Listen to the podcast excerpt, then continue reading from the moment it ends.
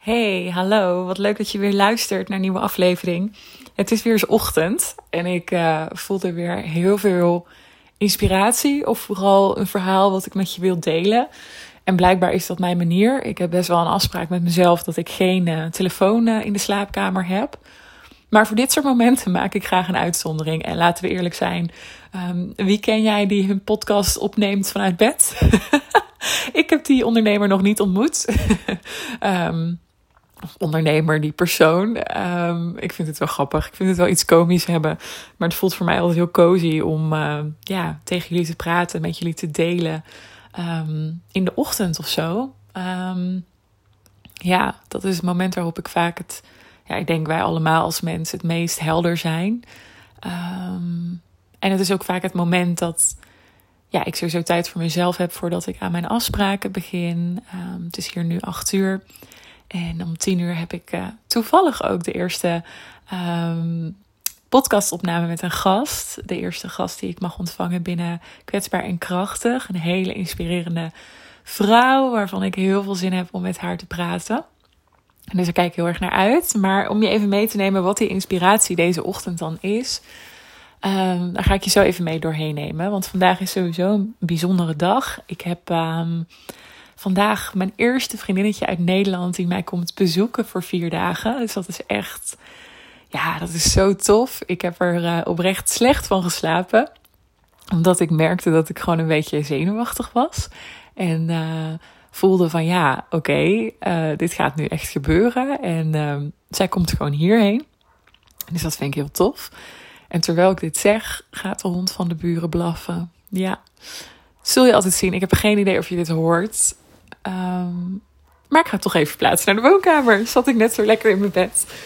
Oh ja, dat is hier in Portugal dus heel veel. Ik weet niet of je het hoort. Nou ja, goed, maakt verder niet uit. Maar het leidt mij altijd best wel af. Um, dus ik ga even naar de woonkamer. Dat kan gewoon. Um, ja, die vriendin komt vandaag op bezoek. En dat vind ik echt te gek. Daar heb ik heel veel zin in. Ik vind het heel bijzonder om haar hier mijn huis te laten zien. En echt mijn nieuwe leven in Portugal met haar ook te delen. Um, gisteren was wel een intense dag. Ik heb gisteren breathwork gedaan. Eén uh, op één. Voor het eerst ook fysiek bij iemand thuis. Uh, wel een Nederlandse dame. Of nou ja, zij woont ook al vier jaar hier.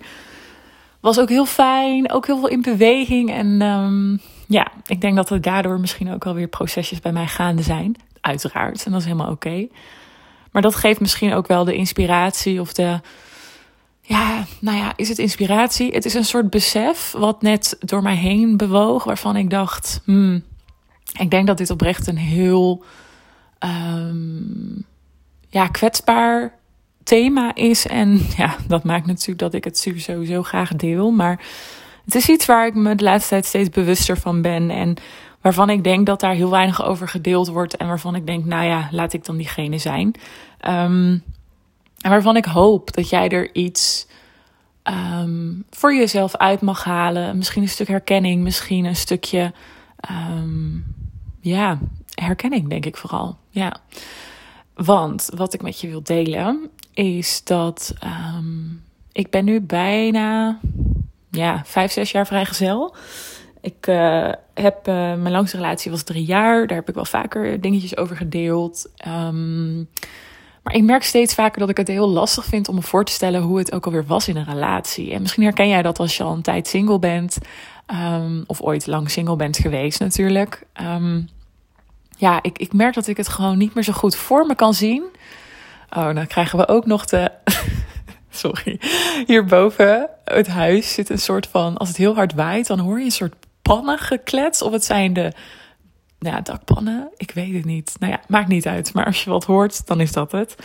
Um, sorry, echt een huistuin- en keukenpodcast is dit. het ene moment ligt ze nog in bed, het andere moment uh, zit ze op de bank. Nou ja, goed. Het is maar, uh, ja, het is gewoon letterlijk thuis bij Nathalie, zullen we maar zeggen.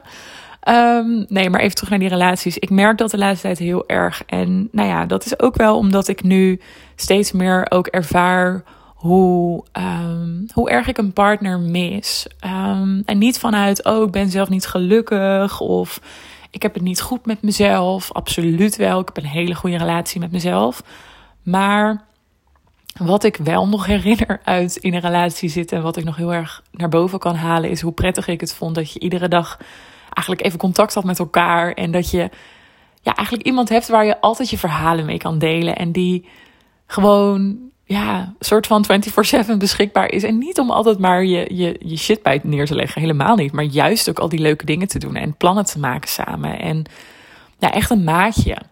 En de afgelopen tijd merkte ik ook van ja, wat is dan mijn manier om weer in contact met mannen te komen in mijn geval? Um, en ja, ik, ik weet eigenlijk al veel langer van mezelf dat bijvoorbeeld apps daar helemaal niet de geschikte uh, manier voor zijn, dating apps. Ik, ik vind dat echt vreselijk. Ik uh, ben al geen uh, liefhebber van WhatsApp en communicatie via de telefoon op, op tekst, zeg maar. Ik bel gewoon het liefst met mensen. Maar ja, weet je, soms probeer je het toch uit, omdat je denkt, ja, hoe ga ik anders nieuwe mensen ontmoeten? En zeker hier in Portugal. Nou ja, goed. Ik heb verder geen smeuïge nieuwe verhalen. Dus dat is niet wat je gaat horen in deze aflevering. Maar er is wel een soort besef tot mij gekomen. Wat misschien afwijkt van wat je zou verwachten als ik begin over. Hè, ik heb al lang geen relatie. Maar um, dat heeft een stuk te maken met wat ik ook heel erg mis. Naast dat je een maatje hebt, iemand met wie je gewoon alles kan delen, is het intimiteitsstuk. Um, daar heb ik ook wel vaker over gedeeld, ook op Instagram. Dat ja, weet je, um, je hebt allemaal verlangens. En ik merk dat sinds ik ben gestopt met de pil, begin vorig jaar, ja, na een beetje voorjaar 2021, dus dat is nu anderhalf jaar terug, ja, dat mijn libido gewoon ja, een soort van hoger is dan ooit. Maar tegelijkertijd denk ik, nou, ik denk dat het gewoon echt mijn libido dus is. Want um, ja, laat eerlijk zijn, ik heb heel lang, ik denk meer dan elf jaar of zo, de pil geslikt. Als het niet langer is, weet ik even niet. Um, als anticonceptie. En ja, dat was gewoon wat ik wist. Want ja, zolang als dat ik seksueel actief was, uh, gebruikte ik dat ding, weet je wel. Dus dan ja, ja, dan weet je niet heel veel beter. Sinds ik daarmee stopte, in het begin nog niet hoor, maar na een tijdje merkte ik ook gewoon van wow, ik heb echt wel meer seksuele behoeftes. En ja, misschien denk je, waarom deel je dit in godsnaam? Maar ik denk dat we daar überhaupt te weinig over praten. En ik merkte gewoon echt aan mezelf dat ik dacht, ja, ik kan daar nergens mee naartoe. Tuurlijk, seks met mezelf, dat kan allemaal. En ik ben ook de laatste die zegt dat je dat niet moet doen. En ik vind het fantastisch en helemaal fijn. Maar het is toch anders, weet je, laat ik eerlijk zijn. Dus een lange tijd had ik ook zoiets van, nou ja, weet je, ik ga maar weer daten. En um, ja, niet alleen daarom natuurlijk, ook gewoon om mensen te leren kennen. Maar wel ook omdat ik heel erg mezelf ook verder ontwikkelde en voelde van, ja, wow, ik ben sowieso door allerlei lagen aan het gaan met mezelf. En ik leer mezelf sinds ik ondernemer ben ook weer op zulke andere um, ja, lagen kennen, laat ik het zo zeggen. En ja, misschien denk je echt, terwijl je aan het luisteren bent, Nathalie, waar gaat dit in hemelsnaam heen? Maar de kern eigenlijk is voor mij dat ik de laatste tijd begin te beseffen dat um, het A best wel intens is als je geen partner hebt, wel allerlei behoeftes voelt en niet het type bent dat, ja, hoe zeg ik dat? Um, laat ik het zo zeggen. Dat is denk ik waar ik naartoe wil. Dat ik de ontdekking heb gedaan dat um, losse contacten of vluchtige contacten of one night stands of dates en dan maar gewoon een keertje seks en daarna weer een soort van, nou, dit was het dan.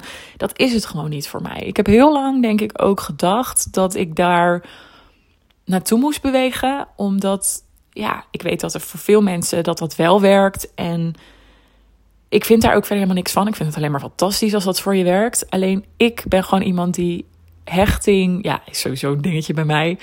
Um, maar die ook gewoon, als ik echt heel erg eerlijk ben naar mezelf, gewoon verlangt naar liefde. Naar een hopeloze romantische relatie waarin we elkaar gewoon helemaal, uh, ja, iedere dag weer voor ons winnen, zeg maar. En waarbij het ook gewoon vertrouwelijk is en waarbij er een commitment is, waarbij er verbinding is. Och man, mijn kernwoord van de afgelopen tijd.